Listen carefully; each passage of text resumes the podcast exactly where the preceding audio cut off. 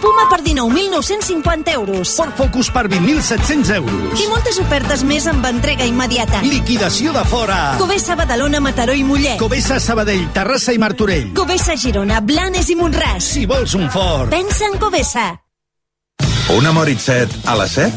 Moritz-7, un sabor bestial. Si són les 7, això és Islàndia.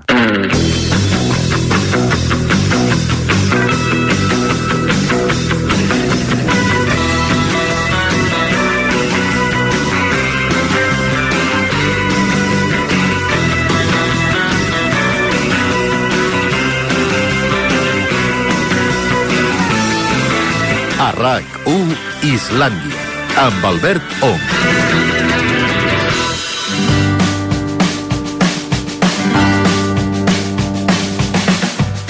Avui a Islàndia, programa número 1503, el dia que ja no hem de dur la mascareta, ni a la farmàcia, ni al metge, ni al lloc. Ja s'han acabat els teus problemes, Maria. Sí. ja no hauré de portar sempre No la la, mascareta o entrar amb la mà a la cara perdó, que no porto la mascareta Amb aquells ulls tristos demanant, implorant perdó. vull un paracetamol Avui a tot arreu, adeu a la mascareta, la fi de la crisi sanitària, la fi del Covid-19, són alguns dels titulars que hem llegit als diaris, però avui volem començar el programa saludant una persona. Vanessa Petit, bona tarda. Bona tarda. Ja saps per què hem volgut començar per tu, no? Sí, sí, em perdoneu la veu primer de tot, però és clar, és que tinc Covid. És que és molt fort, eh? Clar, és que és molt fort, perquè tu, a més a més, no havies tingut mai, eh? Amb 3 anys llargs, mai... Eh... No, no, me n'havia escapat. Ho havia aconseguit fins dilluns, que vaig caure, com entenc que la majoria de, de nosaltres. Clar, és fort perquè la sensació és d'anar al revés del món. Totalment, la meva germana em va dir és que tu has de ser original fins i tot en això, donen per finalitzada l'emergència, donen per acabar de, la, la pandèmia de Covid, mm, fora mascaretes, i pam. I pam. Que encara. Clar, aquí passa una cosa, eh, passa una cosa, Vanessa, que quan estàs embarassada, per exemple, només, només veus altra gent embarassada. Quan estrenes un cotxe, només veus altres cotxes nous, també. teva diguem, matrícula, Sí, no? la teva matrícula, Sí. a, veure, a veure què. Um, tu, aquests dies que deus estar dient, escolta, que tinc el Covid, tinc el... Hi ha més gent que diu jo també, jo també? A veure, del meu entorn no, um, però sí que és cert que jo vaig avisar tothom amb qui havia estat en contacte al cap de setmana, perquè jo me'n vaig adonar dilluns, i, i uns amics precisament amb els que havia estat treballant en una asseguradora de, del treball i em van dir, ui, està ple de casos. I, i vaig pensar, ah, doncs mira, no no n'era conscient. I uns amics em van dir, ui, sí, jo fa tres dies que, em- que em trobo malament. Uns amics amb els que havia estat. Però, és clar, ja me'n faig el test. Clar, és que l- l'habitual ara és eh, anar tirant, no? I no et fas el test. En canvi, tu vas decidir fer-te'l per què? Ui, Ui, hem perdut, hem perdut la Vanessa. Home, es trobava malament, li notàvem a la Hola. veu, però hola. Ara, ara. Hola, Vane? Ara sí. Ara, ara. No, et preguntava la Maria això, a veure, per què vas decidir fer-te el test, tu? Perquè estava a la feina i em vaig començar a trobar malament i jo ja veia que no era un trobar-me malament habitual. Era un dolor muscular molt fort, un cansament, no, no era jo. I vaig decidir marxar a casa primer de tot i vaig dir mm, aquí hi ha alguna cosa estranya. Em vaig fer el test i va sortir la ratlla des, de, des del primer segon. Clar. I també per precaució davant de tota la resta de persones amb les que havia estat. I això vol dir que estàs aïllada ara a casa, diguem, el que, el que havíem fet sempre, no? Sí, sí, jo en aquest sentit segueixo les normes que, que ens van marcar quan va esclatar la pandèmia. Estic en una zona de la casa on per sort doncs, tinc sortida a una terrassa i puc ventilar tota l'estona, tinc un, un lavabo, eh, només surto quan estic sola a casa per fer-me esmorzar i preparar-me el dinar i la resta de la família estan a l'altre costat, a les altres habitacions. Per tant, en aquest sentit ho tinc bé i he volgut mantenir-ho així perquè no vull que ningú més es contagi, perquè no... És a dir, penso que, que no, és de, no és de bon grat estar malalt, encara que algú passi lleu, però prefereixo no ser jo la, la culpable d'haver-los contagiat. Per tant, positiva des de dilluns, has tornat a provar de fer-te un altre test a veure si ja estem de sort? Sí, ho he fet avui, però encara més forta, la niña. home, amb aquesta veu no, no pinta encara que t'hagis recuperat del tot. No, no, perquè dic, bueno, no sé, a veure, ho provo, no? Però no, no, em sembla que encara en tinc per dies.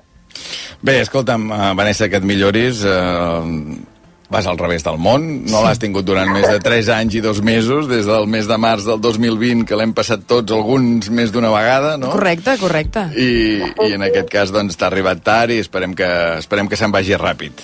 Vanessa Ai, Petit, una, una abraçada, cuida't molt. A vosaltres, adeu.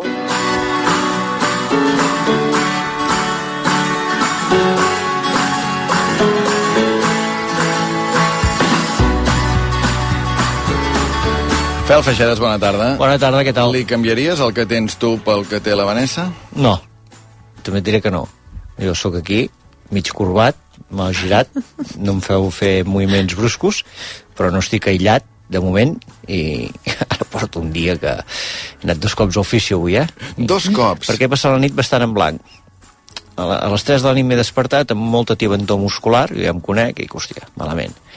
I m'han tocat a les 6 del matí, encara voltant per casa, no sé quantes, no sé quants estiraments he fet, tenim una màquina que vaig comprar en una botiga, que no me'n recordo com es diu, d'aquestes que entres i dius, vai, aquí està ple de merdes i sus carregat de merdes, i una és un aparell amb unes boles que fa massatges a l'esquena, me l'he connectat també aquesta nit, he begut aigua, he caminat, els, les cames a la paret, entrar a la quarto... Tot això de nit, eh? Tot això de nit. Per De- veure't, eh? De 3 a 6, de 3 a 6, eh? De tres a 3 sis. hores, eh? Ja han passat bastant ràpid avui, eh?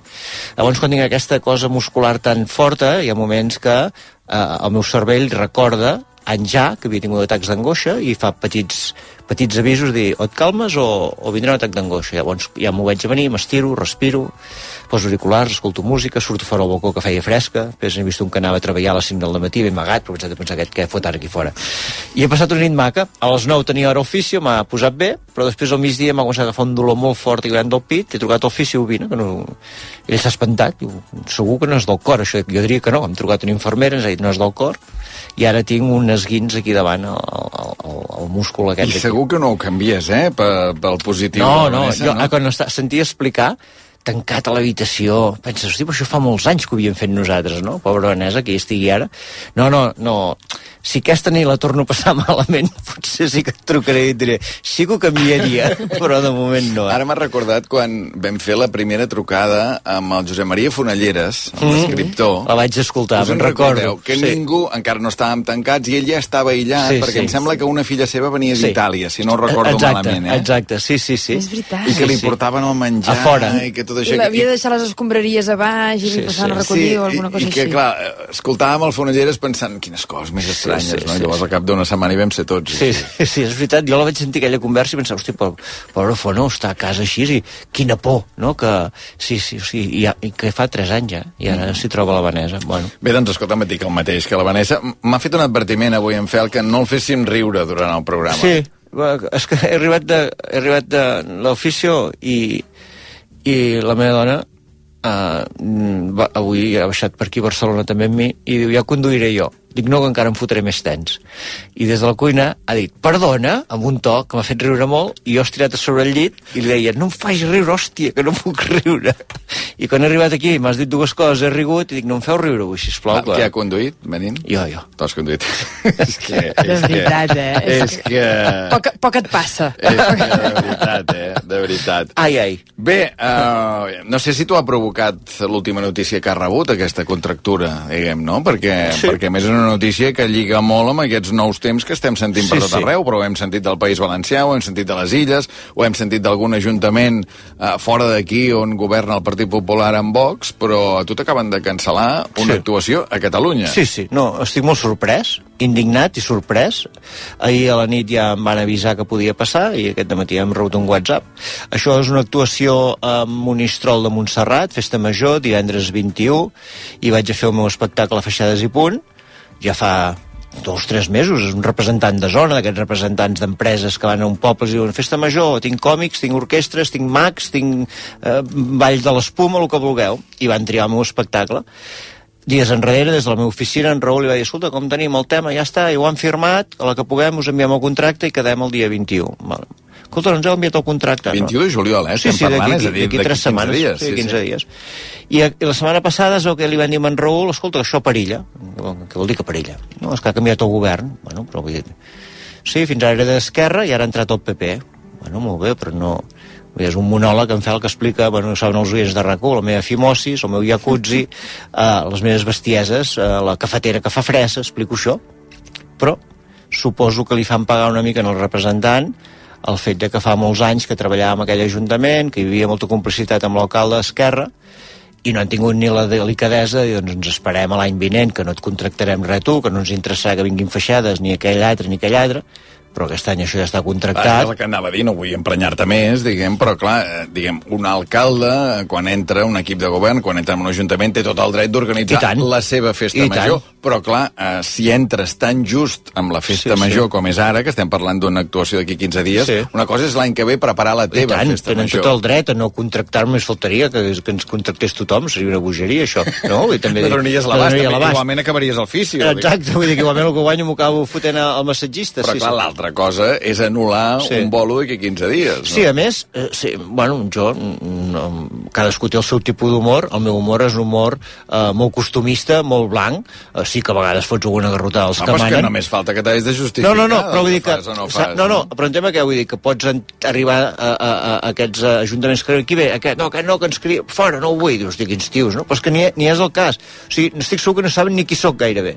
Llavors dius, és que i ningú ens explica res. Un WhatsApp des d'un funcionari dient, eh, li diu al representant de zona, tot lo teu salta, i, i quedes així. Aqu dates de juliol que segurament, ara ja no ho recordo, o hauríem tingut altres ofertes de pobles per anar i dius, no, no, ja tinc bolo, i em sap greu, però no podem venir. Doncs ara ni un ni l'altre. Clara mirava la situació de Monistrol de Montserrat, que efectivament després de molts anys de governar Esquerra Republicana, ara governa el Partit Popular, governa l'alcaldessa Núria Carreras, que eh, he llegit que treballava d'assessora amb el Xavier García Albiol i que ha fet una campanya molt albiol a Monistrol, amb el sentit, per exemple, feia servir una cosa que feia servir també l'Albiol a Badalona, que és no et vull canviar la teva ideologia. És a dir, siguis el pensis com pensis, vota'm a mi, perquè serà el millor per Badalona, el millor per, el millor per Monistrol, però jo no et vull canviar la teva Doncs ideologia. menys mal. Doncs menys mal, perquè la il·lusió poder no, però els còmics que van actuar segur que no seran els mateixos. Uh, sap molt greu que passi això avui en dia, no? Sap molt greu. Ens està escoltant uh, l'Enric Major, un actor de llarguíssima trajectòria, un dels grans d'aquest país. Enric, bona tarda. Ei, bona tarda. Ja hi tornem a ser. Sí, és això, eh? Eh que Tu quan sí? sents tot, tot eh, aquest aire que arriba, no? Sí, és horrorós. Ens pensàvem que era... Sempre un pensa que el pitjor ja ha passat. I, curiosament, el, el per vindre et sorprèn amb aquestes coses, no? És, és horrorós pensar que eh, un canvi de- d'ideologia pugui tenir aquestes ganes de revenja perquè és, és el, el, que esteu, el, que esteu expli el que estàs explicant és això, unes ganes de dir aquests han estat treballant, doncs ara no treballaran. Qui treballarà ara? No sé, perquè no sé qui són els seus. Ara ho anirem veient qui són els seus. Potser no en tenen de seus. I han de fer una nova parròquia, perquè no sabem qui són els seus. Dins del nostre gremi, parlo, sí, eh? sí, sí, sí. No sabem qui són els seus. M'agraden molt eh, aquestes quatre paraules, ja hi tornem a ser, diguem, Sí. no? Que, que no sé, que, que, que es tradueix una mica amb, no sé com, com am, ampliaries aquesta explicació, amb el sentit de dir, eh, sempre pensem, enllaçant amb el que deies, eh, sempre pensem que vas a millor, no? Sí. que el futur és una cosa que serà una mica millor que el sempre present, no? tenim aquesta esperança de que sempre anirem cap a millor. I realment anem cap a millor la societat. Però hi ha aquests, de repent aquests passos cap endarrere que et sorprenen i t'acolloneixes per una altra vegada, dius, hòstia, tornem a ser en aquell lloc que no volíem per res del món tornar a viure aquesta repressió. Que tu vas començar a actuar, que a mitjans dels anys 60? Sí, el 65.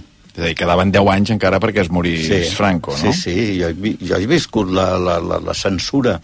Abans de començar un espectacle s'havia de- d'enviar el text a censura. Te'l tornaven censurat, te'l tornaven amb ratlles, això no es pot dir, això, això... I quan ja havies fet la producció, és a dir, a l'assaig general, quan ja havies fet els assajos, havies après aquell text censurat, havies fet tot això, venia un censor a veure que, mm, què és el que, amb què ho havies convertit allò. Malgrat d'haver fet l'inversió de temps, de talent i econòmic. doncs podia dir, això no, eh, això no s'estrena. O sigui, eh, mm, no s'estrena si no canvieu això, si aquesta noia en lloc de sortir vestida d'així, doncs haurà de sortir vestida d'aixà, i evidentment només tenies una solució, que era sucumbir, que era dir amén, perquè havies fet tota la producció, no podies fer una altra cosa. Doncs això em recorda aquella època. Clar, el mètode és- potser seria diferent, ara. Diferent, diferent, perquè és, sí, però això és a la vigília, perquè estem a vigília, és el que estem explicant. Estem a la vigília. No, no, no estem parlant d'una cosa que vés a saber quan es farà. No, no, no. És, eh, això és terrible. home. Clar, estem també en vigílies, diguem, en Fel tenia l'actuació 21 de juliol a Monistrol de Montserrat, que és el dia que s'acaba la campanya electoral, perquè el diumenge 23 de juliol hi ha unes eleccions. Sí. Què, aquestes eleccions, Enric Major? Mira, aquestes eleccions, ja quan sento companys meus amb qui comparteixo moltes coses, sento aquests companys que em diuen jo no aniré a votar, és que els escanyaria. Amb el que ens va costar poder anar a votar, ara no aniré a votar perquè tots que més, que més o menys tots són els mateixos. No, senyor, no és veritat, no són els mateixos. Doncs això ja ho sento i ho combato com puc, que és ben poc. Tinc poc poder de convicció, eh?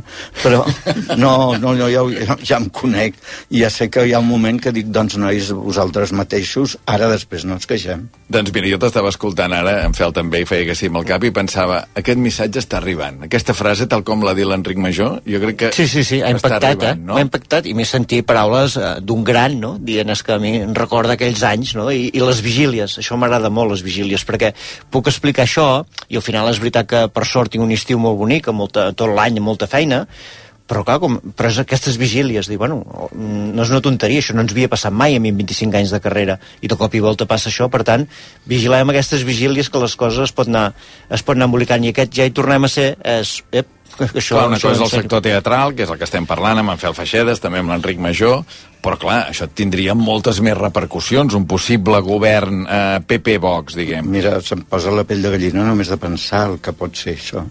Esperem que no es produeixi, perquè estan ensenyant...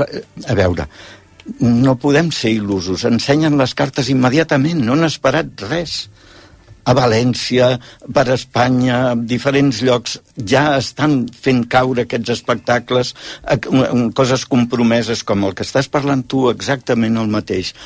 S'ha fet un document mm, d'alerta. A mi em va arribar eh, abans d'ahir des de València, perquè els amics valencians, imagina't, el seu conseller de Cultura és un torero. No és un xiste, això. Doncs, imagina't com estan.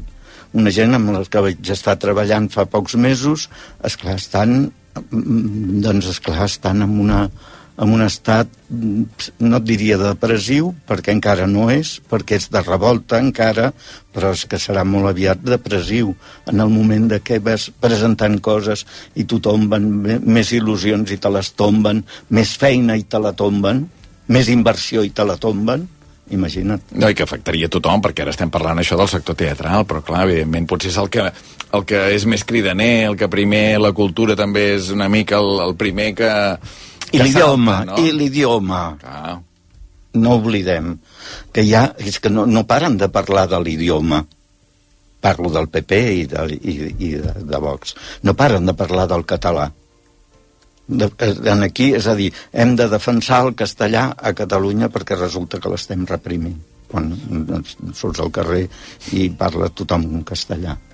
Doncs eh, amb això tenen una, tenen un afany, no sé què els hi passa amb això, Bueno, és una herència claríssima del franquisme. Clar, vull dir, ajuntaments, ajuntaments on governa Vox, també, que han retirat la bandera LGTBI que hi havia posada a la façana. Sí. I ahir sentia Santiago Bascal en una entrevista que deies que no, és que la bandera que ens representa a tots és l'espanyola, i en aquesta bandera hi caben tots, els uns i els altres, i aquesta bandera LGTBI és una bandera política, Sí. deia, deia Bascal, no? que amb això, clar, imagina't, tot el que s'ha avançat aquests dies, eh, aquests dies de l'orgull, la Generalitat va organitzar un acte que es deia l'orgull més gran, on va reunir alguns dels membres de la comunitat LGTBI de més edat, diguem, no? I, Sí. I explicant una mica com ho passàveu en, en, en aquell moment, no? En, en aquells anys. Clar, això també és un altre front que suposo que et fa patir molt. Totalment, totalment. Mira, jo tinc parella des de fa molts anys i a mi em semblava, lo de casar-nos em semblava una tonteria. I per unes paraules d'Aznar, de repent, el Miquel i jo vam dir anem-nos a casar perquè això és, perquè anem a legalitzar una cosa que nosaltres no en teníem cap necessitat. Vivim, vivim conjuntament vivim fantàsticament des de fa molts anys però van dir si ens casem almenys hi ha una, una cosa legal impossible de tornar endarrere. El casament no el tornaràs és, una, és un fet ja doncs eh, no sé com dir-ho legal que serà impossible retornar endarrere i això em va fer casar I recordes què va dir Aznar? no, no, eh, eh, amenaçava, era un, a prop d'unes eleccions i ell va qüestionava, no, no et dic les, les paraules exactes, no te les, no te les sé dir, però sí qüestionava això d'aquesta legalització que s'està fent amb aquest nom que no estava d'acord ell que es digués matrimoni, sinó que qüestionava tot això. Vaig dir, davant d'això només hi ha un fet, que és fem-ho. Mira, veig unes declaracions d'Aznar que deia les uniones gais no deben ser equiparades ni al matrimonio ni a la família. Poder anava per aquí la cosa. Mira que és llesta aquesta noia, que és eficaç, que és eficaç. ràpida, ràpida, fantàstic. Tu recordes, Enric Major, quan vas sortir de l'armari? Sí. De fet, vaig, vaig anar sortint de mica en mica. Vaig anar sortint de mica en mica. Jo sóc d'una generació que no teníem, no, no, no teníem referents, els homosexuals. Mm, Jo em pensava que era únic. I, de repent, veus que n'hi ha algú que potser està sentint una cosa com tu, t'hi acostes i el primer que et diuen que ningú ho noti i, i vas rebent aquests, aquests inputs que ningú noti. Finalment vaig trobar una persona clau, que és l'Armanda Fluvià. Vaig conèixer l'Armanda Fluvià i em va dir, mira Enric, això va per aquest camí, llegeix aquests llibres, a Itàlia està passant això, i em va obrir els ulls i llavors vaig dir, doncs aquesta és la meva vida. Aquesta és la meva vida perquè vaig buscar primer, abans de, de, de tenir aquesta sort de trobar l'Armanda Fluvià, jo vaig buscar consell a la medicina, a veure què podia passar amb el meu cos, perquè no, no, ja et dic, no tenia mm, antecedents ni, ni sabia on buscar-los. I em van proposar curar-me amb, amb, el, amb aquelles aparells, no sé si eren electroxocs, eren unes descàrregues elèctriques, que alguna cosa em va posar en alerta i vaig dir, mira, per aquí no hi passo, em sembla molt... Em sembla molt... Quants anys tenies, tu? 18. O sigui, amb 18 anys, per tant, estem parlant també això 63, no? Més Sí, o menys, sí, no? Sí. Hi ha un metge que, que diu... En el clínic, en el clínic, eh? no estic parlant una cosa llunyana. A l'Hospital Clínic de Barcelona. Clínic de Barcelona, que jo no me'n recordo com es deia aquell metge, que em proposa això. Ma- Això em va semblar que no, que, que va, va, va, semblar massa perillós. I vaig buscar també resposta a la religió. Vaig anar... Vaig... Vas, vas sí. sortir del foc per caure les brases, eh? Sí, sí vaig Bueno, anar... perdona, però la ciència, per una banda, eh? O sigui, estem parlant Sí, que vas sí. a, a la ciència, Clar, per una banda, i clar. per l'altra, a, a la fe o la religió. Clar, vaig anar a la religió i vaig anar a uns, uns com es deia allò, uns exercicis espirituals, per tant, jesuïtes, i vaig dir, jo vull parlar amb vostè, mm, va venir a l'habitació, vam estar a parlar, i li vaig explicar la meva manera. Jo sóc invertit, li vaig dir, perquè no tenia una altra paraula. Gay no existia en aquell moment, eh, aquesta paraula. Vaig dir, "S- crec que sóc invertit, què haig de fer? I em va dir, ui, res, casar-te. Amb una dona, clar. Clar, casar-te i això et passarà. Diu, hi ha molts... I em va dir una cosa encara més alarmant. Diu, mira, jo no, a la confessió sentim moltes coses. I una de les coses que he sentit alguna vegada és m'he enamorat del culet del meu fill. I què els he dit? Doncs ja et passarà, ja es farà gran. Això m'ho va dir, la veritat, un jesuïta a un poble es feien aquells no sé si era Cardedeu o per allà era sota el Montseny Per tant, et dius, quin, di, quin moment va sortir de l'armari? Jo vaig, començ, vaig sortir de l'armari abans de l'Emili. I me'n vaig anar a l'Emili i vaig fer, up, vaig tornar a tancar l'armari perquè allà era molt perillós. Dos anys de marina, d'infant de marina, dos anys, que vaig dir, bueno, aquí s'ha acabat i vaig tornar... Quan Era vaig molt tornar... perillós per la homofòbia que hi havia Home, a imagina't, l'exèrcit. diguem, eres el, el mariguita de, de, Clar. de, de, la, de la companyia amb tot el que representava això i aleshores doncs, bueno, jo em vaig defensar com vaig poder i tornant sí que llavors vaig dir s'ha acabat s'ha acabat, vaig anar a Londres, vaig saber el que era el món del hippie, el que era el porro, el que era tot el d'aquell moment, va ser una alliberació total i feliç. I quin gust haver pogut viure la sexualitat després de tots aquests entrebancs, després d'això que t'han dit, Sí. la, la sexualitat amb llibertat. Sí, sí, això va ser, va ser, vaja, va ser acabar la mili i, des, i, i, i finalment no descobrir, perquè ja intuïa, ja havia tingut aquestes converses amb l'Armand de Fluvià, ja, ja, ja est- estava com preparat per, per tot mm -hmm. això. Uh, he tingut una família meravellosa que no han tingut mai ni cap problema, no problemes ni preguntes gairebé. Amb els pares en veu parlar o no? Els, eh, eh, mm, en vam parlar quan ja els hi vaig presentar la meva parella. I no hi va haver cap, mm, cap problema, ni cap pregunta de més. No, no, els pares tampoc són tontos. Jo crec que hi ha un moment que intueixen que hi ha alguna cosa diferent a lo establert. Clar, els pares, la primera sorpresa devia ser que tu volguessis estudiar. Això sí. No, perquè, clar, el, el pare, t'ho he sentit explicar moltes vegades, era pastor. Sí, el meu pare era pastor i la mare, doncs, la, do, la dona de fer feines de casa, pobra dona. Uh -huh. Era una dona molt intel·ligent, la mare, però submesa, doncs, al seu moment històric. Clar, imagina't també això, tot el, tot el talent femení que es va perdre aquesta generació, perquè, clar, havien d'estar sotmeses, a, era així la paraula, a l'home, a la casa, i no podien desplegar tot el que portava dins la teva mare i tantes altres dones d'aquella generació. I al contrari, vulgui, només intuir la il·lusió que podia tenir aquella dona per alguna cosa era, allò ja era una, una punyalada al mascle, una punyalada al poder. I, i davant de, abans de perdre el poder, doncs, eh, costa. Mm -hmm. I es defensaven molt bé els mascles d'aquella època. Que fos pastor vol dir que viviu en una masia? En una... No, no, no, no Rubí era... Jo sóc fill de Rubí. Sí. I Rubí en aquella època era un poble menestral, pagès i fabril. Hi havia un parell de fàbriques i a casa, la casa pairal de casa, Calcavila, que es deia amb el nom Calcavila, casa meva, eh, era una casa dins del poble on hi havia corrals, hi havia tot això, però dins del poble. I llavors tu... Es, es deia Cavila perquè no m'ho preguntes per Ah, què. no? Sí, sí, perquè bé. és divertit. Una, un rebesavi meu, mm, de la part mm, paterna, un dia hi va haver un canvi de moneda que jo no sé quina... Jo ho he buscat i no ho sé, no ho sé identificar al moment que hi va haver un canvi de quartos a pessetes o algú, una cosa així.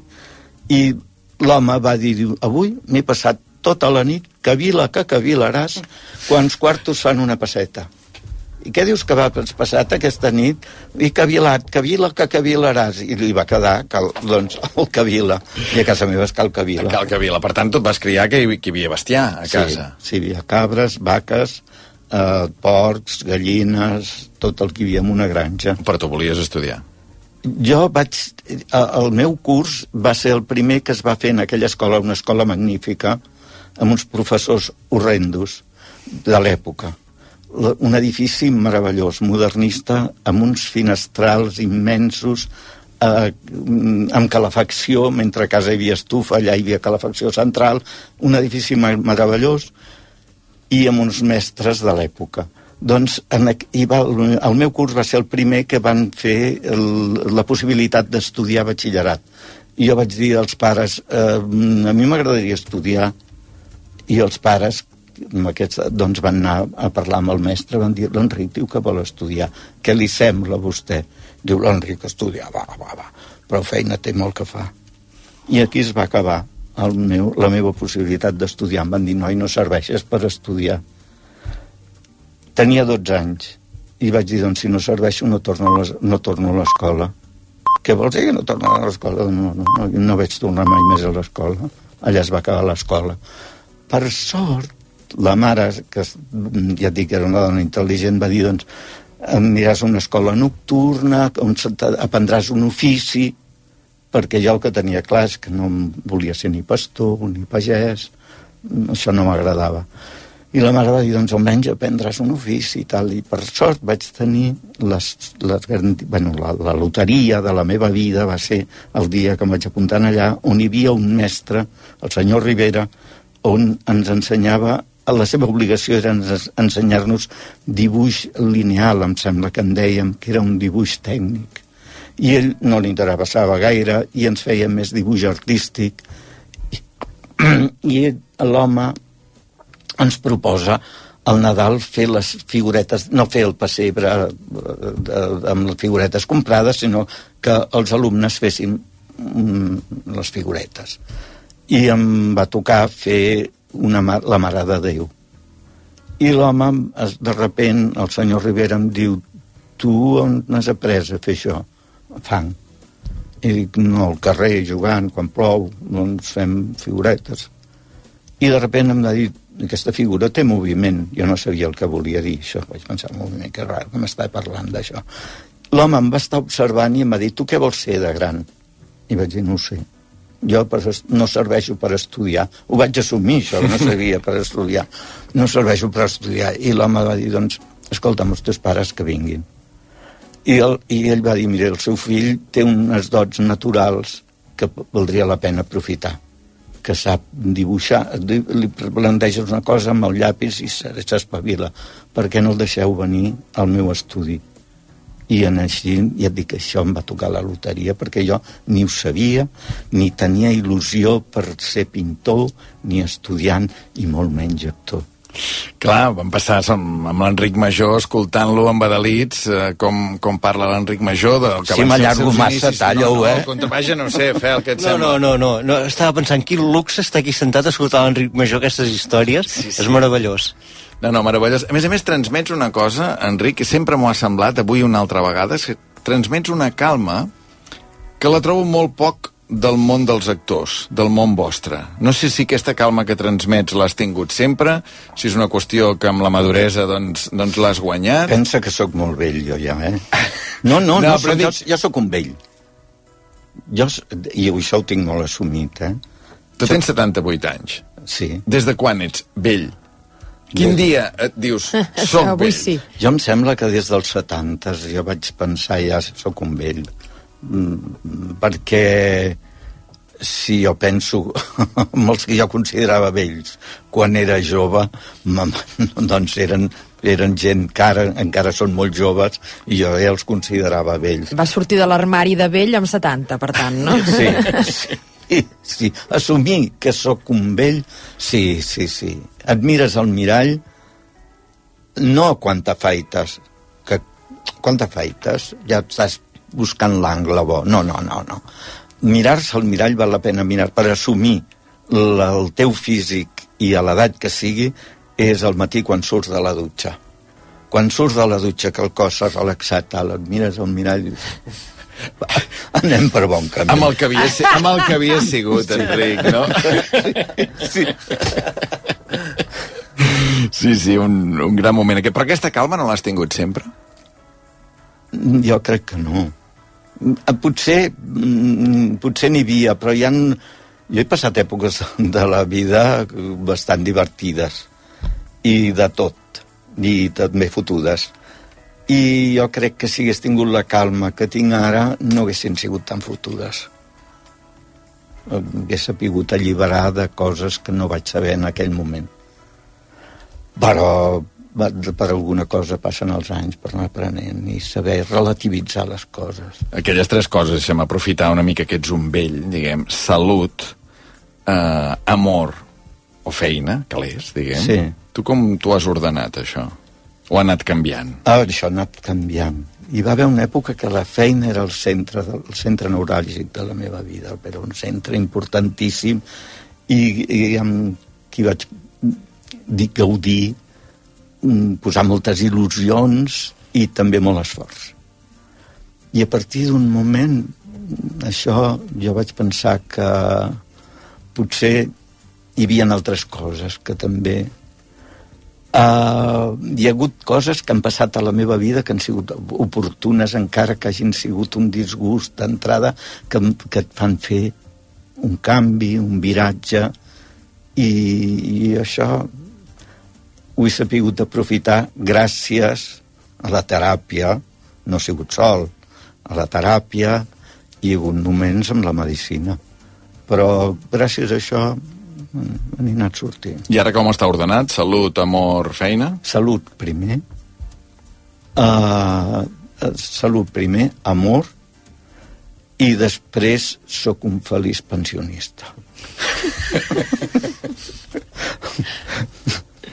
per tant, això no m'havia passat mai a la vida, d'arribar a final de mes i saber que cobro. Això no havia passat mai a la vida. També això, la vida del còmic, és una cosa que només es pot resistir, és, només es pot salvar amb la resistència, amb la capacitat de resistència. Sí o no? Sí, sí. No, no, és, és, és molt emocionant. Home, això tu moltes vegades, eh, Fel, és una de les inquietuds Sí, que sí. tens, de dir, hòstia, em podré jubilar Sí, jo sí, com a ah. actor, o hauré de buscar-me encara una altra cosa perquè hi haurà un moment a partir de 60 anys que ja no... no tan sols això, és aquest any estic molt content, l'any passat va anar molt bé, fa tres també, però i el que ve? I el que ve? Uh, i, I això sempre hi és a dins. I això també és el motor de viure una mica, no? Sí. Normalment, al començament de la meva carrera, quan s'acostava l'estiu, era un pànic. Era pànic. Què passarà la temporada que ve? Això era una, un rau-rau i, i pensaves, ja me'n sortiré, si no, pues, tornaré a pintar, em guanyaré la vida pintant una altra vegada, que ja em guanyava la vida pintant quan vaig entrar al món del teatre, jo ja, ja, ja, jo, al venir de la procedència que vinc, com us he explicat, doncs jo sabia que la feina que fos era per guanyar-me la vida. No venia amb, un, amb, uns, amb la possibilitat d'una herència, ni no, els meus pares guanyaven la vida el dia a dia, i per tant jo també havia de guanyar-me la vida dia a dia. Per tant, al, al acostar-se a l'estiu, això era una besarda especial. Els pares van veure grans moments, o sigui, van veure el Manelic de Terra Sí. Baixa, per exemple, sí, Sí. van veure els pares? Sí. I la mare, que ja us he dit que era el que era, eh, va dir... La, el, quan el vaig anar a fer Rubí, ella ja l'havia vist a Barcelona, em va dir, ha, ha valgut la pena tot el que hem passat. Perquè eh, d'alguna manera eren, eren còmplices des del silenci, des de la distància, perquè jo procurava no explicar-los. Vaig aprendre molt aviat de no explicar projectes a casa, perquè la gent de teatre ens trobem i rarament ens podem trobar avui, tu i jo. Si ara anéssim a prendre cafè, és possible que ens sortís un projecte d'una cosa comuna. Eh, Escolta'm, aprofitant que tu tens aquesta gràcia i jo que tinc aquesta altra desgràcia, anem, anem a fer alguna cosa. Si jo explicava això, i estava uns dies sense veure els pares, quan tornava em deien com està allò? I allò ja n'havien hagut tants més d'aquelles converses que, per tant, jo ja havia aprofitat, de, ja havia après de no, no escalfar-los el cap amb tonteries de les nostres. Això ho has de fer, eh, fer amb la família. Sí, sí, diguem. sí, sí. Mirar de no explicar tants No, projectes. l'únic que eh, som impulsius i quan hi ha una bona alegria l'expliques i allò, bueno, allò ja no hi és. Ja Ja no però hi n'hi ha és. una altra cosa i així anem tirant. Això vaig explicar aviat, vaig aprendre molt aviat, des, quan els vaig explicar, eh, jo anava a fer a Deep Rey, i quan els hi vaig explicar l'argument de Deep Rey, a casa se'ls van posar els peus de punta. Esclar, era matar el pare i follar amb la mare. I van dir, quins arguments. Esclar, imagina't, doncs, vaig aprendre que hi ha coses que no cal... Escolta, no cal. aquesta vida de l'Enric Major, de feliç pensionista, que dius tu, mm, inclou la possibilitat d'escriure unes memòries? s'ha de tenir molt valor. Ho he intentat, eh? Algunes vegades m'hi he posat. No, ho he intentat, no m'hi he posat, això. bàsicament a pensar, i hi ha moments que no pf, em fa molt que, que em fa molta besarda, que no m'agradaria repetir-los ni a la memòria gairebé. No, hi ha moments fotuts, no professionals, parlo mm, a nivell personal.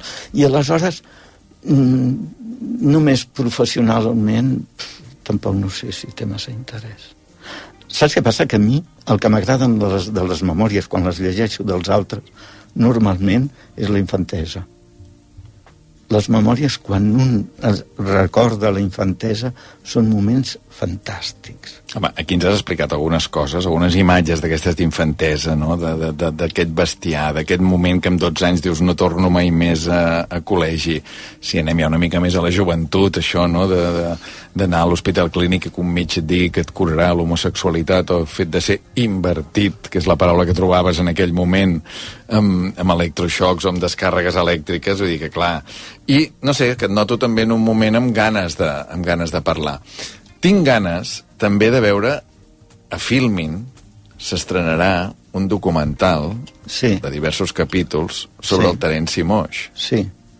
que em sembla que s'estrena després de l'estiu. No sé, no sé quan, però hi participo. Per primera vegada surto a parlar d'una història, de la meva història, perquè estic fart que me l'expliquin. Me l'han explicada unes quantes vegades ja a mi. I vaig pensar que potser era el moment que ho expliqués jo, la meva història, amb el Terenci. No va ser un camí de roses. I, per tant, eh, estic fart que m'expliquessin les espines uns altres, perquè no eren, no eren les meves. I si, per, no sé què em faran, eh?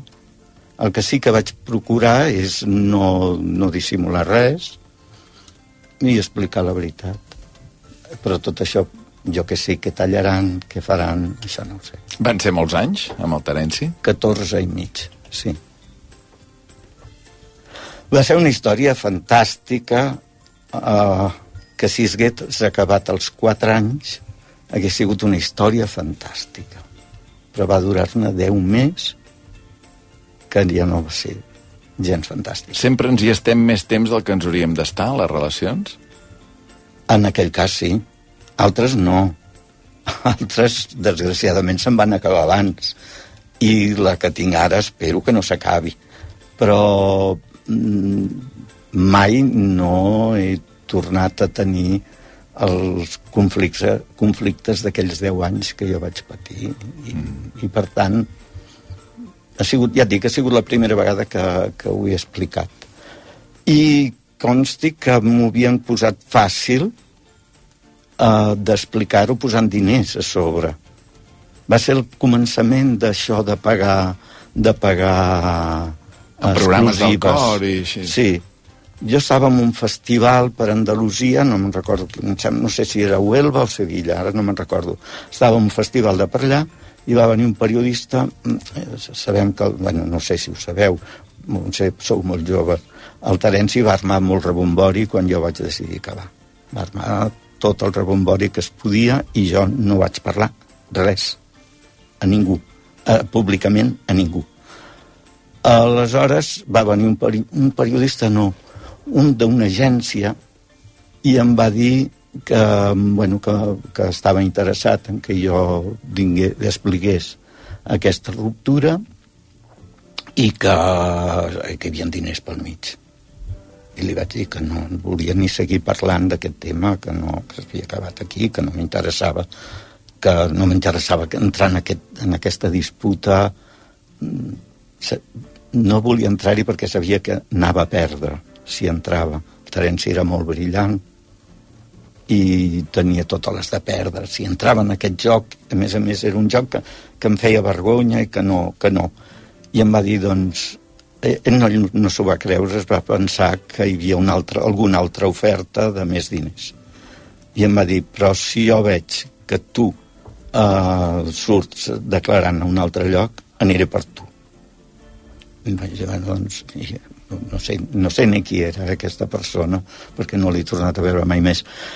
I si el veiés em sembla que no me'n recordaria, no, no, em fa, em Fixa't quants anys de silenci, eh? Per això, que no Sí. n'has parlat mai, que, No. que, que fa, fa 30 anys, eh, 35, que es va acabar aquella relació? Sí, sí, sí, 30 i... Sí, sí, jo tenia 40 i en tinc, doncs sí, 37 anys. Imagina't, imagina't, bé, en fa 20 aquest any que es va morir el Terenci. i- Sí, imagina't. ja fa 20 anys. Sí, Que passen els anys molt ràpid. Sí, sí.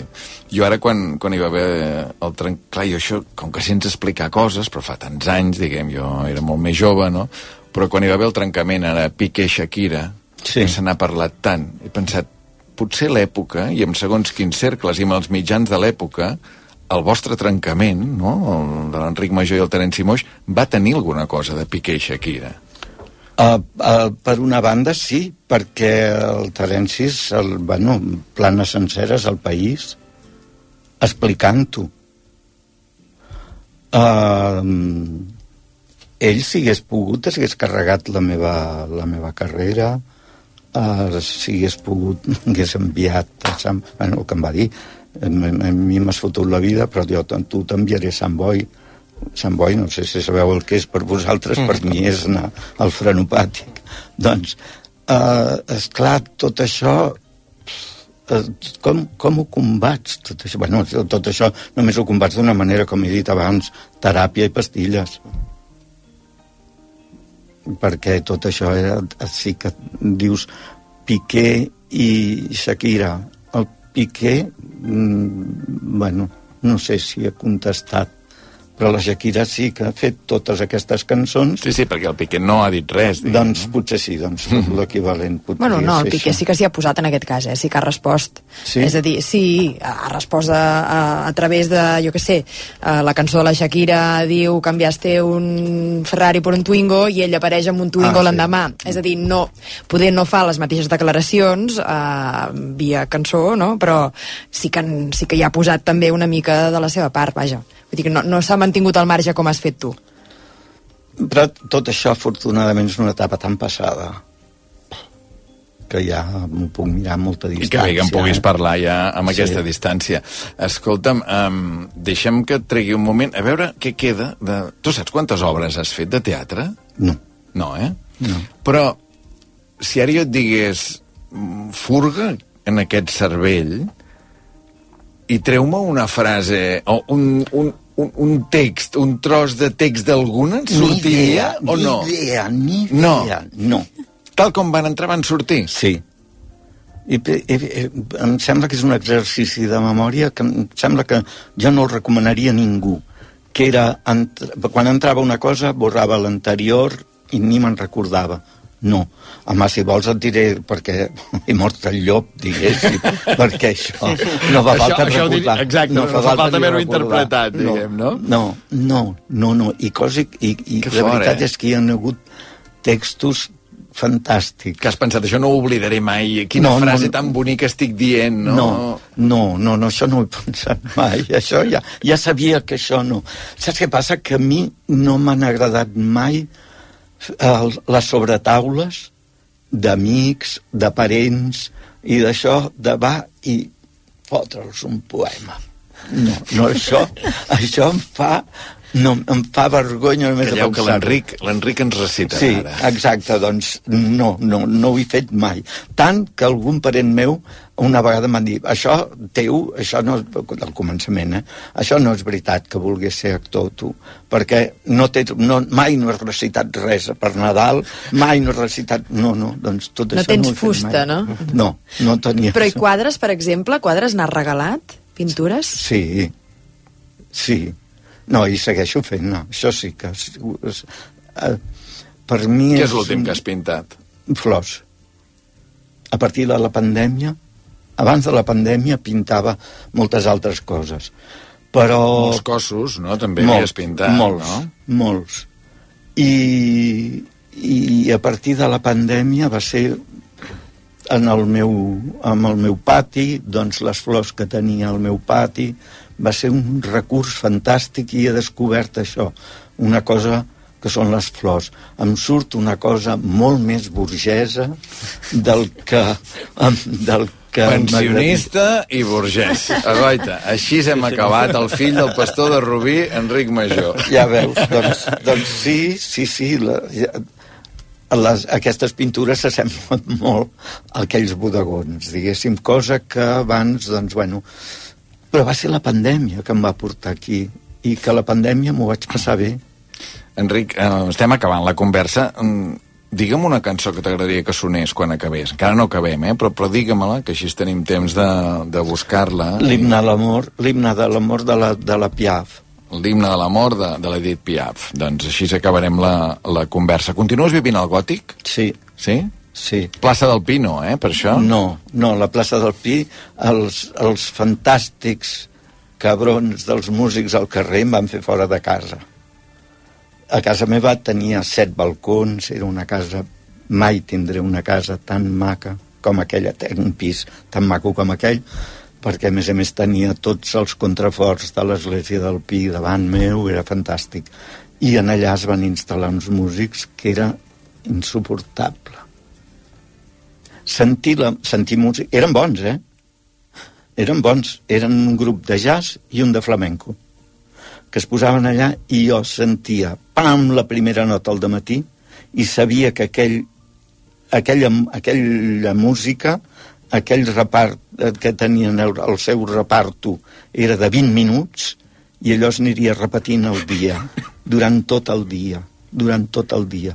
Si era flamenco, flamenco, i si era jazz, jazz. Allò era insuportable. Tant que vaig canviar i me'n vaig anar al mateix barri, al gòtic, i, però molt a prop i encantat de la vida. És que el gòtic mm, va ser un amor a primera vista el, el que és la plaça del rei el que és el, tot el gòtic quan jo el vaig descobrir de, de jovenet quan vaig començar l'institut als 18 anys 17, 18 anys o 16 doncs ja va ser un amor a primera vista vaig dir, hòstia, això m'agradaria viure alguna vegada aquí i ho, haig, i ho he aconseguit. Enric Major, tenia moltes ganes de xerrar amb tu. No m'he fet pesat, no? A, a jutjar pel que diuen els oients, t'asseguro que podríem estar aquí una hora més i, i la gent estaria enganxada i fent voltes que no està sortint del cotxe, pel que ens estan comentant. Jo hi ha hagut un moment, puc dir-ho, que m'he imaginat uh, un teatre uh, d'aquests uh, amb, amb, amb, les, amb la platea enlairada, res, sense res, només un llum i l'Enric explicant la seva vida. I era tan, és tan teatral tot i a més amb, amb la manera que ho fas tu. I l'altra cosa que he vist és que a vegades quan no veus a treballar pots pensar hòstia uh, quan l'he vist entrar com un dels grans vuitens no? I, i quan el veus actuar penses que aquest home és molt savi no? quan, quan, com actua i llavors quan sents explicar Veus que hem de fer un espectacle? Diu, va, posem-s'hi. Tenia un projecte? Hòstia, estic molt content d'haver viscut aquest moment avui, Enric, t'ho dic molt, molt sincerament. No, perquè a més a més, primera que eh, feia temps que no et sentíem, però quan et sentim, moltes vegades és per parlar d'algú que ja no hi és. Alguna estimada persona, com la Núria Feliu, Clar. eh, com la Rosa Maria Sardà, Clar. com la Mari Sant Pere, com... Tants, Clar. tio, que hem viscut la pandèmia, primera pandèmia que, que vam viure nosaltres va ser la del SIDA. Imagina't quan... La, en, en el Hamlet, del repartiment del Hamlet, em sembla que cinc se'n van anar pel SIDA. Quatre o cinc. Imagina't el que hem viscut. I després altres estimats i estimades, com recents, com has dit, la Feliu, per exemple. Que clar, Feliu, gran amiga teva. Bo, era una persona fantàstica, la Feliu. Més nacionalista quan aquest país ningú érem nacionalistes, ella ja ho era. I molt més moderna, que la imatge de la Feliu...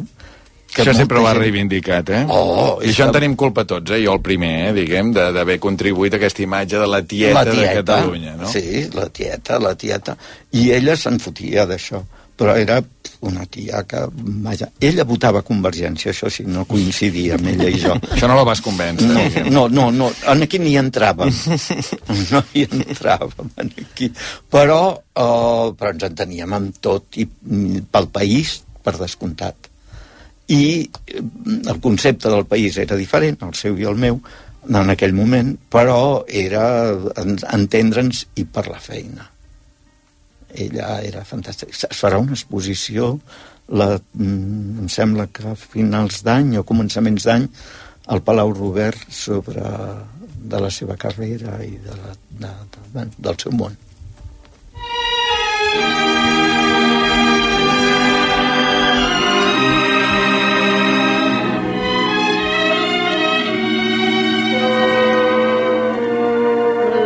ciel bleu sur nous peut s'effondrer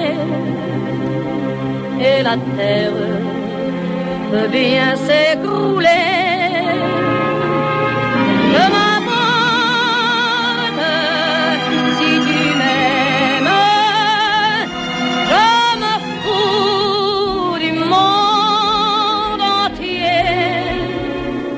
On et porta aquest himne a l'amor de l'Edith Piaf? A mi em porta el greu que em sap de no haver-la vist mai. I això sí que són cinc minuts de la meva vida, diguéssim, que van que és aquest, aquest període que he parlat de l'Emili, que era un parèntesi brutal a la meva vida, de viatjar o no viatjar. Abans de l'Emili no tenia ni possibilitats, ni... Havia fet quatre coses pel país, però no gran cosa. Però això de poder anar a París a veure-la, no vaig poder-ho permetre'm i quan es va acabar l'Emili era morta. Aleshores, això sí que em sap un greu horrorós no haver-la vist perquè estic segur que... Bueno, estic segur que era qui era. Je renierai ma patrie, je renierai mes amis. Enric Major, gràcies per haver vingut avui a Islàndia, de debò. Gràcies a vosaltres i, bueno, com sempre, noi, en saps molt, tu, de treure les coses dels altres. Ha entrat, Fantàstic. tu Fel no ho ha sentit això, perquè ha arribat i diu no tinc cap notícia, jo, eh? Diu, no, no tinc res per explicar. I mira, Doncs menys mal, eh? El dia que tinguis alguna cosa per explicar, No, avisa que començarem a les 10 del matí. No, normalment anem a la ràdio quan estem preparant una estrena, quan no sé què, però mm, estic, ja et dic, buit de- de pro- d'aquests projectes. Ara ens en sortirà Ara, un. ara en farem. un petó, Enric Major, gràcies. A vosaltres, petonar-los. Nous aurons pour nous l'éternité dans le bleu de toute l'immensité. Islàndia, amb Albert Ong. L'11 de juliol tens una cita per conèixer les oportunitats de digitalització de les entitats socials. El Congrés Digital del Tercer Sector arriba a Barcelona de la mà de Fundació Telefònica i la taula d'entitats del Tercer Sector Social de Catalunya. Entrada gratuïta a fundaciontelefónica.com. Aquest estiu, estigues tranquil fent la revisió de la instal·lació amb el servei oficial de gas butà i propà de Repsol. Perquè a banda de la revisió obligatòria prescrita per llei, inclou un servei d'averies 24 hores als 365 dies i una assegurança gratuïta de 5 anys. Demana ara la revisió al 900 321 900 a pidetubombona.repsol.es o bé a l'app Bombona Butano Repsol i et regalarem 2 euros de descompte en la pròxima comanda de bombones. Consulten les condicions a Repsol.es. Radvanovski i Piot Betxaua, junts de nou al Liceu. Dues de les veus més estimades pel públic en un recital memorable amb grans àries de Verdi, Puccini i de Borjak. Tosca, Aida, Russalka, els dies 13 i 16 de juliol. Entrades a liceu.cat. Bacus amb el val escolar de la Generalitat abans del 31 de juliol i emporta't unes bambes Múnich per només 10 euros. T'ho expliquem tot a les nostres botigues. A Bacus. Si tu hi creus, nosaltres t'hi portem.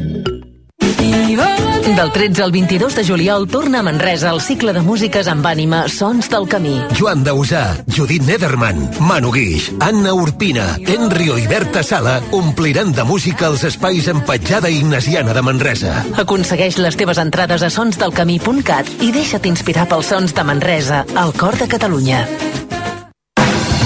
Islàndia, amb Albert Ong.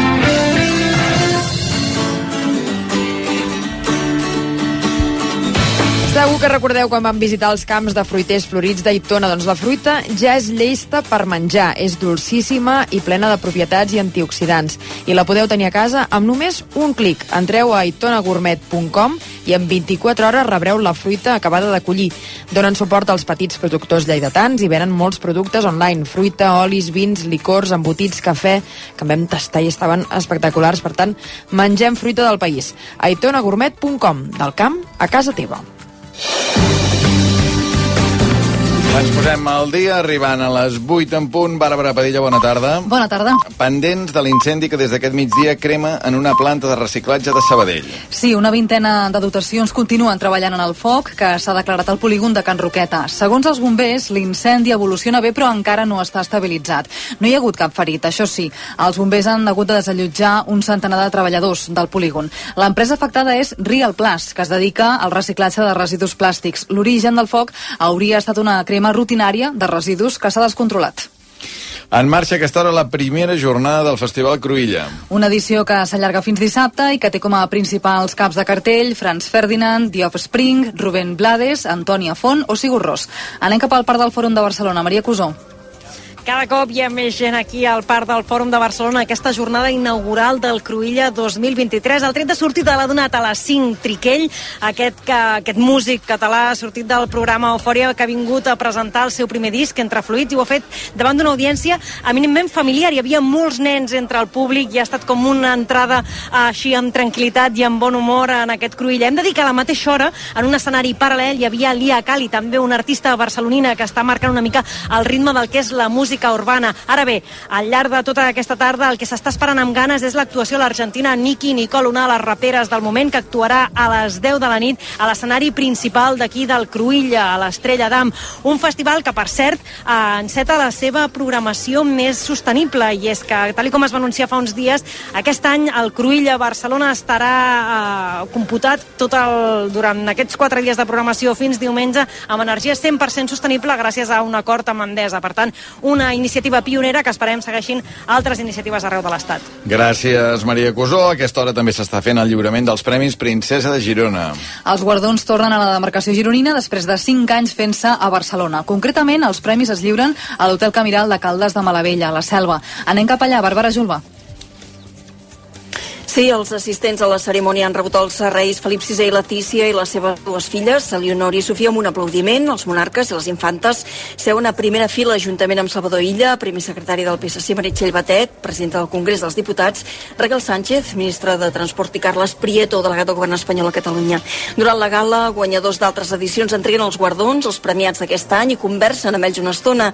Entre els que reben el premi enguany hi ha Sílvia Fernández, art terapeuta i fundadora d'Arte Paliativo, que ja ha pujat a recollir el guardó, també el fundador d'Open Cosmos, eh, Rafael Jordà.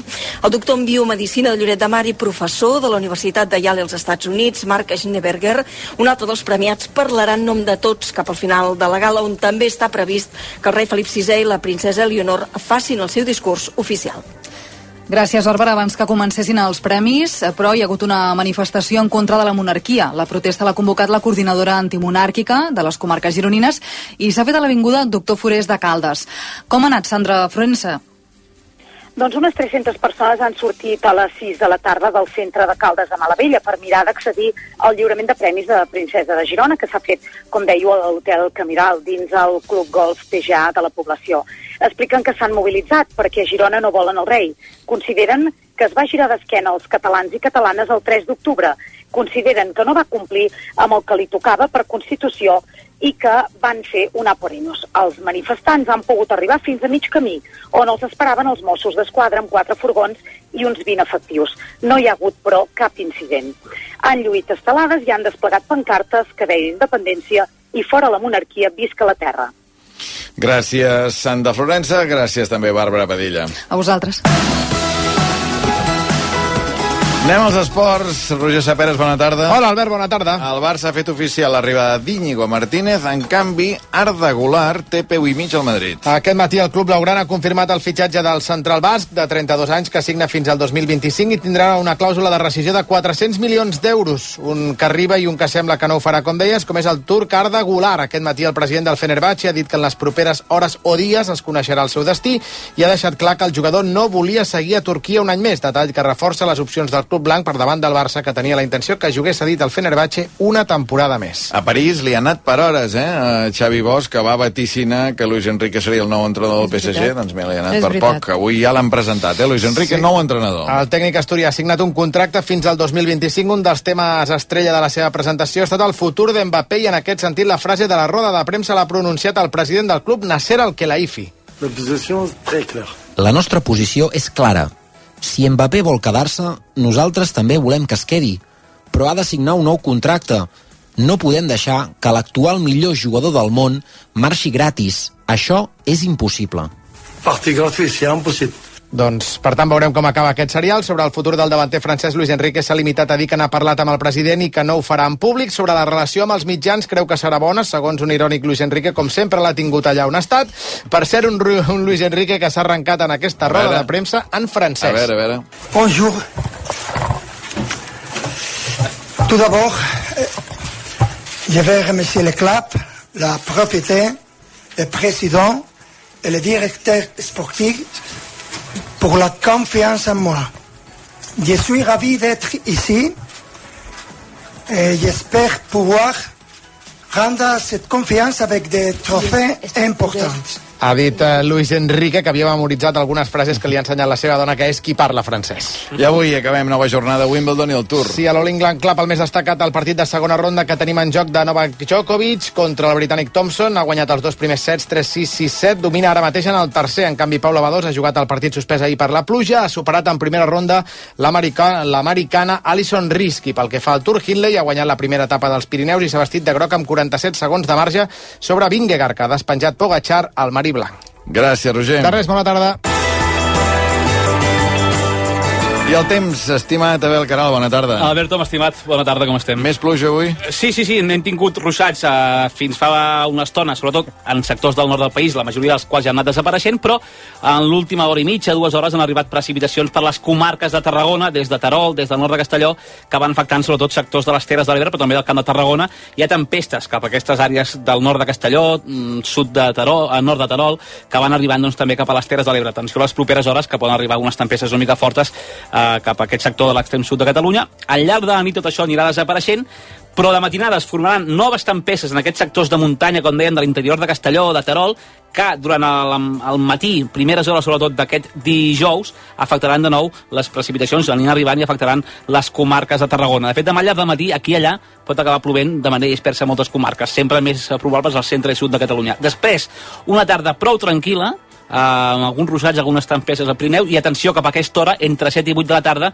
una mica el que va passar el dia que veu estar a la Pobla de Segur, que al vespre van arribar tempestes des de l'Aragó, doncs era el que va passar, de fet, era això la setmana passada, no? Doncs demà cap a aquesta hora entraran tempestes que poden ser fortes des de l'Aragó cap a les comarques de Lleida i al final del dia podran afectar molts sectors interiors del centre i nord de Catalunya. Precaució amb algunes ventades o algunes calamarsades o pedregades, temperatures semblants a d'avui en conjunt calor poc intensa de moment. Reykjavik. Reykjavik, mira, molt semblants les d'ahir, pràcticament calcades 6,5 de mínima i 11,5 de màxima. Gràcies, Abel. Que vagi bé.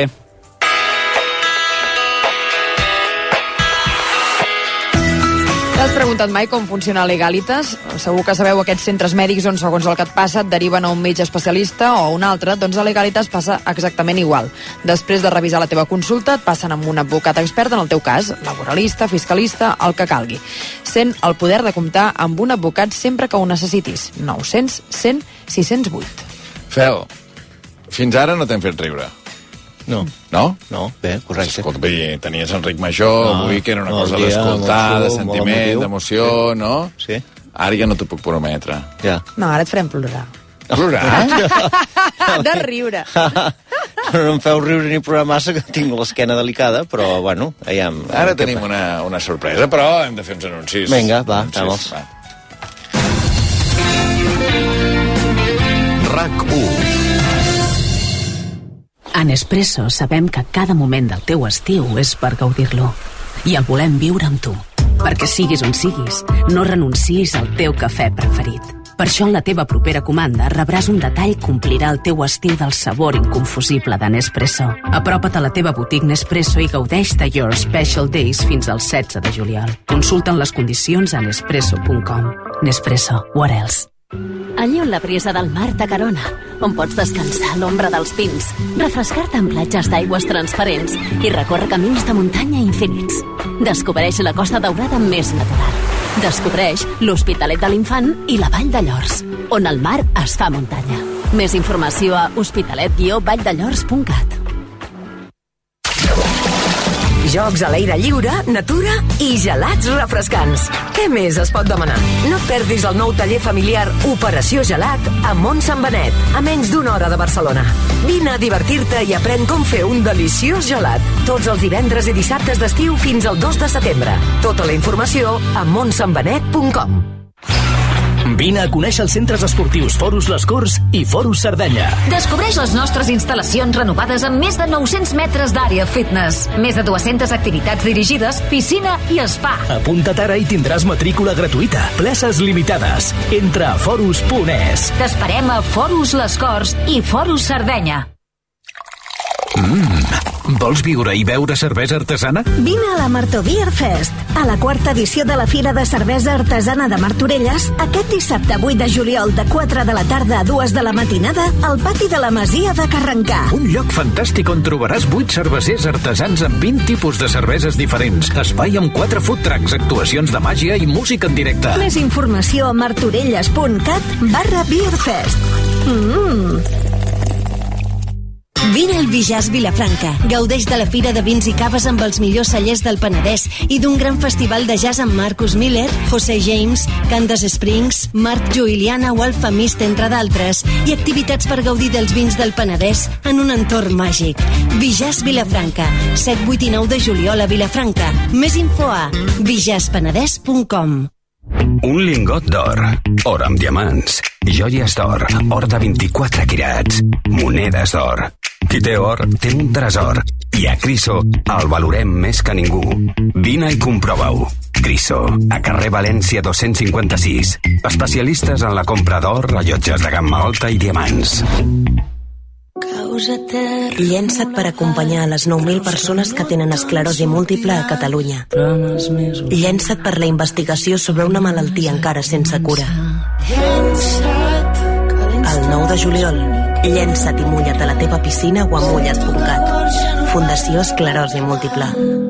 Intel·ligència artificial. Qui és el millor fabricant de sofàs? Fama. I on puc comprar sofàs Fama? Fàcil, a Fama Living Barcelona. Soc dins d'un ordinador, però conec Fama Living Barcelona. Ara sé que en un sofà seu. Fama Living Barcelona, Avinguda Diagonal 329, carrer Montaner 293, carrer Mallorca 156 i famalivingbarcelona.com. I al juliol, rebaixes. Fama Living, les botigues de sofàs que conquisten el món. La Masia La Mer, de Cabrera de Mar, presenta tots els divendres el Festival Eden Garden, amb els millors tributs en versió música clàssica a l'aire lliure.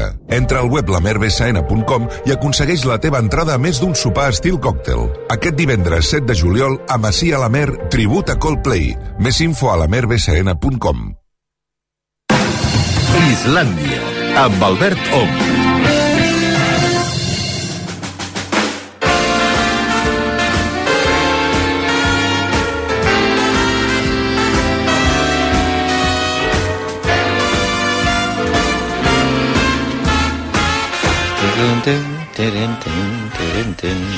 A veure, Fel Feixedes, Ja. escolta'm, uh, presenta'ns, a veure amb qui has vingut avui, perquè no has vingut sol avui no, a l'estudi. avui no he vingut sol. Avui uh, fa molts, molt de temps, molt de temps, molt de temps, tinc una amiga meva, molt petitona, que és molt trempada, que es diu Bruna, i sempre em diu tu és que un dia em portaràs a la ràdio, o un dia em portaràs a la tele, un dia vindré a veure com actues, que ja m'ha vist, però a la ràdio un dia vull venir. I l'altre dia em va fer un missatge de veu dient t'he escoltat per la ràdio i he rigut molt.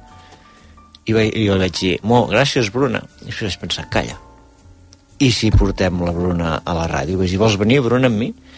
I em va dir que sí. Ah, doncs, i aquí la tenim. Bruna, bona tarda. Hola, Quants anys tens? nou. És veritat que li vas dir tot això, amb Sí. en Fel? Sí? Per què? Per què tens ganes de- d'anar a la ràdio, d'anar a la Mm. tele, de veure'l al teatre? Per què? Perquè quan jo era petita sempre m'ho deia i em feia il·lusió vindre a veure en Fel, vindre a veure RAC1, veure-ho tot. Veure-ho tot. Oh, que bo, això. I és que la Bruna, eh, clar, eh, pots trobar amics, fills d'altres amics que també t'ho diguin, no? Però és que llavors la Bruna comença a desplegar el seu talent i et quedes allà enamorat de la Bruna, com canta, com balla, com explica històries i com fa coses. I, i quan em va dir que sí que volia venir, doncs em va fer, em va fer molta il·lusió. I després, que al voltant sempre hi ha gent de seny, va dir, aneu tu i la Bruna sols? I dic, bueno, per què no? No, podíem venir. Però després la dona que treballa a Girona va dir, calla, que ja baixaré jo també, i així es passem a la tarda junts amb la Bruna i, i, i anem tots tres. I la dona que treballa a Girona avui, eh, eh, per excepció, doncs ha vingut a, a RAC1 a acompanyar-me. Hosti, com tan enredat. Irene Forts, bona tarda. Hola, bona tarda. Què? Sí, mira. Cap a rac Tu també balles i cantes? No, no jo acompanyo i, i intento no dir gaires coses. Sí, sí, sí, sí, sí, sí, sí.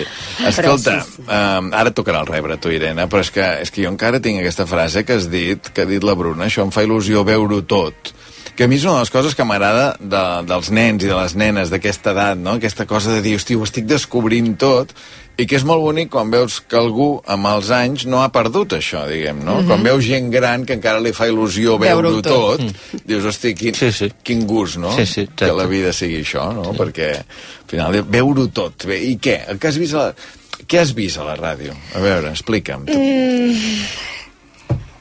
he vist com entrevistàveu el, a un home, Sí.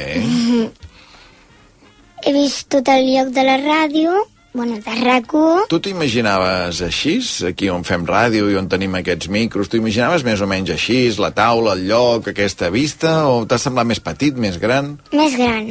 Més gran del que et pensaves, Ho has eh? vist gros, eh? Doncs hi ha ràdios encara més grans, eh? Te'n faries creus. Si n'hi ha, no les conec. N'hi deuen haver, però no les conec. Però és que, esclar, ara, a la Bruna hem vist això, Bruna, però abans d'arribar a rac hem anat per aquells carrers, aquelles carreteres, que gent, i cotxes, i patinets, i bicicletes, i edificis, i balcons, i pisos, i clar, arbúcies. Molta gent a Més Barcelona has trobat, sí. Massa. Massa. Massa gent. Escolta'm, ballar i cantar, què, què, què em cantes? Mm, no sé. Què? A veure, sé que ets molt fan de la Rosalia. Pero tengo todo lo que tiene delito. Què? Va? El mal de ojo que me manden Oh, escolta, també en sé jo, eh? La del bizcochito te la saps? Bueno, Bueno, el despechar. Baby, no me llames que yo estoy ocupada olvidando a tu madre. Hoy decidí que esta noche se sale junto a mi moto mami con todas mis taris a no ver se va. Aloha. Bravo! Ha fet, veus? Una cosa que no he fet mai jo en tants anys. Eh? Ve la Bruna el primer dia, patam, ja en canta una. Eh, t'agradaria ser artista? T'agradaria ser cantant o què? Jo quan sigui gran vull ser cantant i quan cantés voldria ballar perquè també m'agrada molt ballar. Cantar i ballar, eh? Bueno, la Rosalia ho fa, no? Cantar i ballar, per Sí. exemple, i tantes altres, però... Molt bé, com et dius de cognom? Bruna Becerra Vicenç. Bruna Becerra La Vicenç. Bruna Becerra Vicenç. BBB, molt bé, doncs, escolta. Recordeu aquest nom, eh? BBB, Bruna Becerra Vicenç, i a veure si molts anys ens sentim a parlar. Irene, deia que tocaria el rebre, no, avui? Ja, ja t'ho veus a venir. Ja que he vingut aquí davant d'un micro que no havia estat mai en una taula així. Et pots posar els cascos, si us plau, un moment? Ai. Perquè vull que sentis Ai. bé un, Ai, un que- moment un moment que vam viure gràcies a tu. Sí. Què, què poso, l'1 o el 2, Maria? Jo posaria... Jo aniria a, a totes i posaria l'1. Posaries l'1, eh? Sí. Posaries l'1 d'entrada. Sí. Doncs, a veure, situem-nos. Eh, en Fel Feixedes i la Bel Caral estaven concursant al gran concurs d'Andalusia, 1 de febrer d'aquest any. Ai. ja t'he que et faríem riure. I va passar això. Picasso és nascut a Andalusia, sí o no? Diria que no, però... eh, Eva, Jo diria que sí. Tu diries que sí? Això la meva dona ho sap, que ja... Tinc un comodín, la meva dona. Vols que la truquem? Home, seria comodín de la llamada. Em sembla que és spinning. Ah, és spinning, ara. Truca-la, truca-la. Estaria bastant bé, eh, una trucada... eh, Amb... Sí, us la truco. Sí, home. Això és, estem ara farem el, el comodí de la trucada. Comodí de la trucada. Però explica per què ho, ho sap, la teva Perquè la dona. meva dona és uh, historiadora de l'art. Ah. I... Oh, llavors segur. I llavors ella, que fa anys que va estudiar, dir, és, és gran la meva dona. Però, bueno, gran, més jove que jo. Home, bastant, més jove, bastant més jove que tu, eh? Sí, espera't, que... Spinning. Posat a l'altaveu, ara. Ai, ai, ai. Ai, ai, ai. Baixa, baixa la música, baixa la música, a veure. Pas que l'agafarà. Ah. Iré, Iré, Estic a classe, què? ets a classe? És que estem en directe, Irene. Estem en directe, estem en directe, rac un concurs que m'estic jugant molt. Picasso? Picasso? Estic a classe... Quan estàs a classe de spinning, estàs per mi, per això, sisplau, que m'hi va, va aquí la reputació. Tu que has anat molt per Sevilla i que has estudiat art, la història de l'art, Picasso és, és nascut a Andalusia? Digues que va ser la música. A veure, A veure, Creu, digue'm, Irene, maca. Sí, és que et sento. Irene, estem en directe, eh? No és cap broma. hòstia puta. Eh? Irene, mig d'una classe de spinning i m'he espantat com m'has trucat, pensava que era algo urgent. Bueno, és urgent, eh? És, hòstia, que estic, estic eh, concursant, eh? Per això d'Andalusia, que ja ho saps que jo domino molt, però eh, em pregunten si Picasso, Picasso és nascut a Andalusia. És que ara quedarem davant, malament davant de... No ho sé, ara mateix. És que ja ha explicat... Eh, eh, Irene, en Fel ja t'ha posat en antecedents a l'audiència dient que eres historiadora de l'art. És de Màlaga, sí, és Andalusia. Sembla. Sí, et sembla. Val, val. Gràcies. Quin tema estava sonant ara mentre sortiu gent? Sí, no ho sé. Vale, va. Vinga, va. No has parat de No, però que torni, que torni dins, que ho sentirem, que torni... Te- Entra dins de la classe, adéu. Irene, un petó. Adéu. Perdona. Adéu, Irene. Adéu, adéu. Oh, per favor. Per favor. Quin moment, eh? Sí, sí. Quin moment va ser aquest, eh? Va ser boníssim, eh? És que... sí, A veure, Irene, la, la teva versió dels fets, diguem, perquè no, clar... no, és que és molt el que va passar, eh? Uh, la trucada ho diu tot, però vaig veure la, la, la trucada, jo no, de, no, no deixo mai el mòbil al costat de la bicicleta. I aquell dia vaig contestar un missatge abans de començar la classe i el vaig deixar al costat. Veig Fel i sempre té mil històries entrant a Barcelona que, Què quan no és bueno, amb els trànsit i tot el que Sempre passa li passen coses. A veure què li ha passat amb aquest Clar, home. em vaig espantar el moment de dir, ostres, ara què li passa? I vaig baixar de la bici, l'Anna em va mirar volent dir, hi ha, hi ha algun problema? I jo no, no, no sé, i a la que vaig sortir fora em trobo amb el, la trucada No, no, del concurs. Clar, si I en aquell moment el, el cap et va a mil, eh? Jo estava per... no sabia ni el que deies tu. Clar, que et va sortir abans, hòstia puta, que Màlaga, eh? Sí, sí. Sí, sí. De fet, eh, abans que, que poséssim eh, les declaracions, l'Andreu ha, ha escrit un tuit i diu aquesta Irene és la de l'spinning, hòstia puta fel. Vull dir que ja has quedat eh, retratada. O sigui, ets la dona que treballa a Girona o la de I l'spinning. llavors què va passar? Vas tornar dins de la classe? Sí, sí, nerviosa, allò de dir, he sortit en directe, no sé ni què he dit, i no, vaig continuar la classe bé, però quan va acabar la classe, la, després n'hi ha una altra, i els de les 8 eh, havien sentit la... O sigui que ja entraven a classe i ja t'havien sentit. ja m'ho havien dit, sí, sí. Bueno, i l'endemà, a Girona, molta Sí, gent. sí, la meva jefa m'estava escoltant, també em va Molt bé, escoltar molt i em va dir, no, jo em pensava que no eres mal parlada, llavors ja, ara ja... No, no, és que va ser bonic. Clar, si no haguessis dit tu que estaves spuni, spinning, sí, sí. Hòstia, però clar, spinning, No, no. la música, tot És que rodó. algú podia pensar eh, el que han preparat avui sí. i, bueno, no, va ser improvisat i va ser perquè havia de sortir així i fa molta gràcia ara que eh, alguna falca, a vegades hem fet aquest muntatge d'Islàndia, anem amb cotxe tota la família, "Hosti, la mama, la mama! Hòstia puta, fel, i tots quatre, ah, ah, ah, ah. És el nostre moment a dins el cotxe. Bé, tenim un segon document Ai. sonor. Aquest jo crec que un se'l podien esperar, que era aquest, no? Sí. El segon ja no... El segon potser és, més, vi- és un pèl més vintage. Eh, Sí, eh, té una mica més de temps, eh, és més casolà, té a veure amb un electrodomèstic, no sé si es pot dir electrodomèstic, Ah, que sí, vau clar. comprar, no? Vull Clar, dir, clar. Una cafetera és un electrodomèstic? Sí, no? Sí, Sí, sí, no? no, dir- Sí, sí, sí. Van comprar una cafetera nova, però no hi... Sí, sí. Escoltem. Ja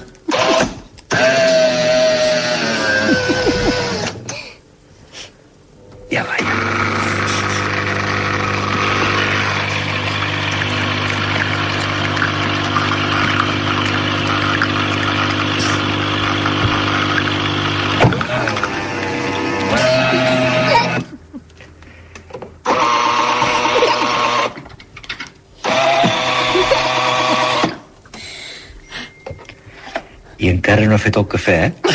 Ara hi poso la cosa i ara farà el cafè.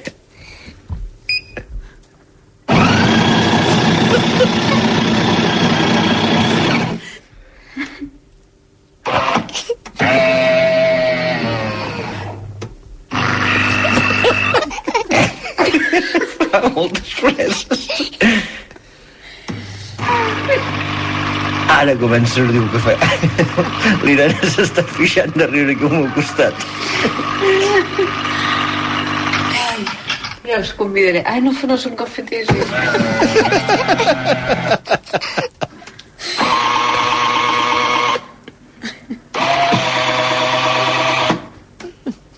Ara s'ha acabat. Un minut i mig després. Doncs això cada dia a quarts de vuit del matí. Hòstia, Però quants cafès us feu al dia? Home, si Entre, si som a casa, 7 o 8 entre tots dos, 3 o 4 cada un. Quina pèrdua de temps. No, però, però però aquest- aquest... un moment, això que hem sentit, sí. aquí hi ha un suc de taronja, hi ha un cotxe arrencant, hi ha un martell pneumàtic, vull dir, no, no és una cafetera, Sí, això. sí, sí, és la cafetera. Ah, Irene, i amb ell no me'l crec. No, no. Això, ho- tot això que hem sentit és només cafetera? És només la cafetera, sí, sí. Fa bo el cafè? Sí, sí, és boníssim. No, no, ja, ja. No, no, Tinc ganes de tastar-lo, eh? de Aquí dins hi ha us ho 10 dic. tios treballant, eh? Els de matí. Ha 10 tios petits que Els li fan... umpalumpes sí, sí, aquells. clar, doncs això cada dia a quarts de set... Eh... Clar, perquè fem altres coses mentre està bé Sí, el cafè. però aquell dia... Eh, Vas voler documentar. aquell dia t'ho vam gravar per tu, eh, sí. el que no sabíem és que després s'emataria, i això s'ha convertit en un tall del monòleg del meu espectacle que es perdrà a Monistol de Montserrat, que explico la cafetera que tinc a casa, i passo una estona fent freses, i llavors ja el públic escolta Islàndia i el que no. I veus el d'Islàndia que al minut zero ja comencen a riure i com els hi van explicant els del costat dient no, és que amb la seva dona es van comprar una cafetera i van rient mentre anem fent les freses de la, de la cafetera. Sí, sí. gairebé, gairebé, gairebé és això la cafetera. No hi ha sí, sí. diferència. Gairebé és Sí, això. una cafetera que fas gust de sucs de taronja, que també té, Exacte. té això, Sí, sí, té un sí. apèndix que és martell pneumàtic... No, a mi m'agrada molt quan acabem la gravació que se n'adona que tu i la teva parella no sou cafeters. Sí. I diu, hòstia, no sóc Bogendi, ara, ara, ara tota aquesta feina no podran tastar el cafè. Això és Però bé, tastar el cafè no, però això... De... Mira la vida que ens ha donat, Sí, això. sí. Bé, uh, Irene, gràcies per haver baixat. Ja sé que no ho has passat bé, diguem, això de parlar per la ràdio li deixes amb, amb en Fel, però ens ha fet molta il·lusió avui tenir-te també aquí a l'estudi de rac i conèixer la Bruna Becerra Vicenç. B, B, B. Bruna, em tornes a cantar la Rosalia per acabar el programa? Baby, no me llames que yo estoy ocupada olvidando a tu madre. Hoy decidí que esta noche se sale junto a mi moto mami con todas mis taris anone se chava a loca.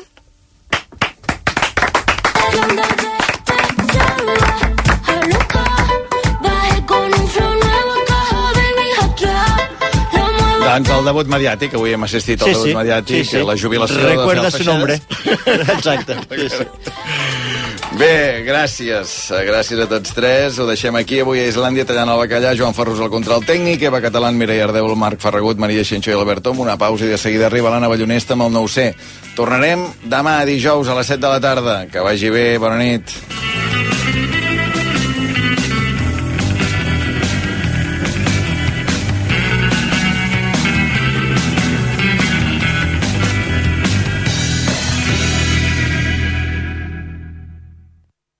Una bona salut bucal és indispensable a les nostres vides. Per això, el primer pas és la prevenció amb Vitis. Protegeix i cuida la salut de les teves genives amb la gamma especialment dissenyada i formulada de raspalls, pastes i col·lutoris de Vitis Encias, amb venda a farmàcies i per a farmàcies.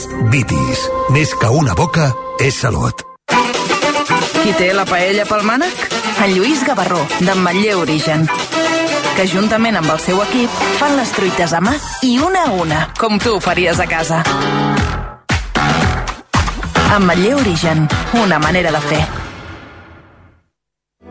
Si vols canviar de vida i estudiar en una business school que lidera els rànquings, o canviar un pla de desenvolupament personalitzat, flexible i amb una xarxa de contactes potent, Work to Change. Entra a eaebarcelona.com i comença el canvi en una escola de negocis creativa, acollidora i innovadora. EAE Business School. We make it happen.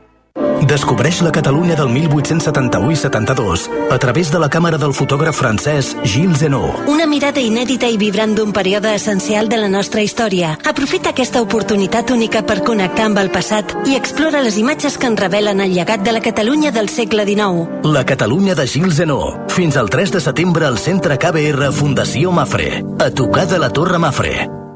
Festa ara de Legalitas i sent el poder de comptar amb un advocat sempre que ho necessitis. Truca gratis al 900 106 08 o entra a legalitas.com. Descobriu i endinseu-vos a l'univers RAC1 via RAC1.cat. El portal de notícies de RAC1. Registreu-vos. RAC1.cat. És fàcil.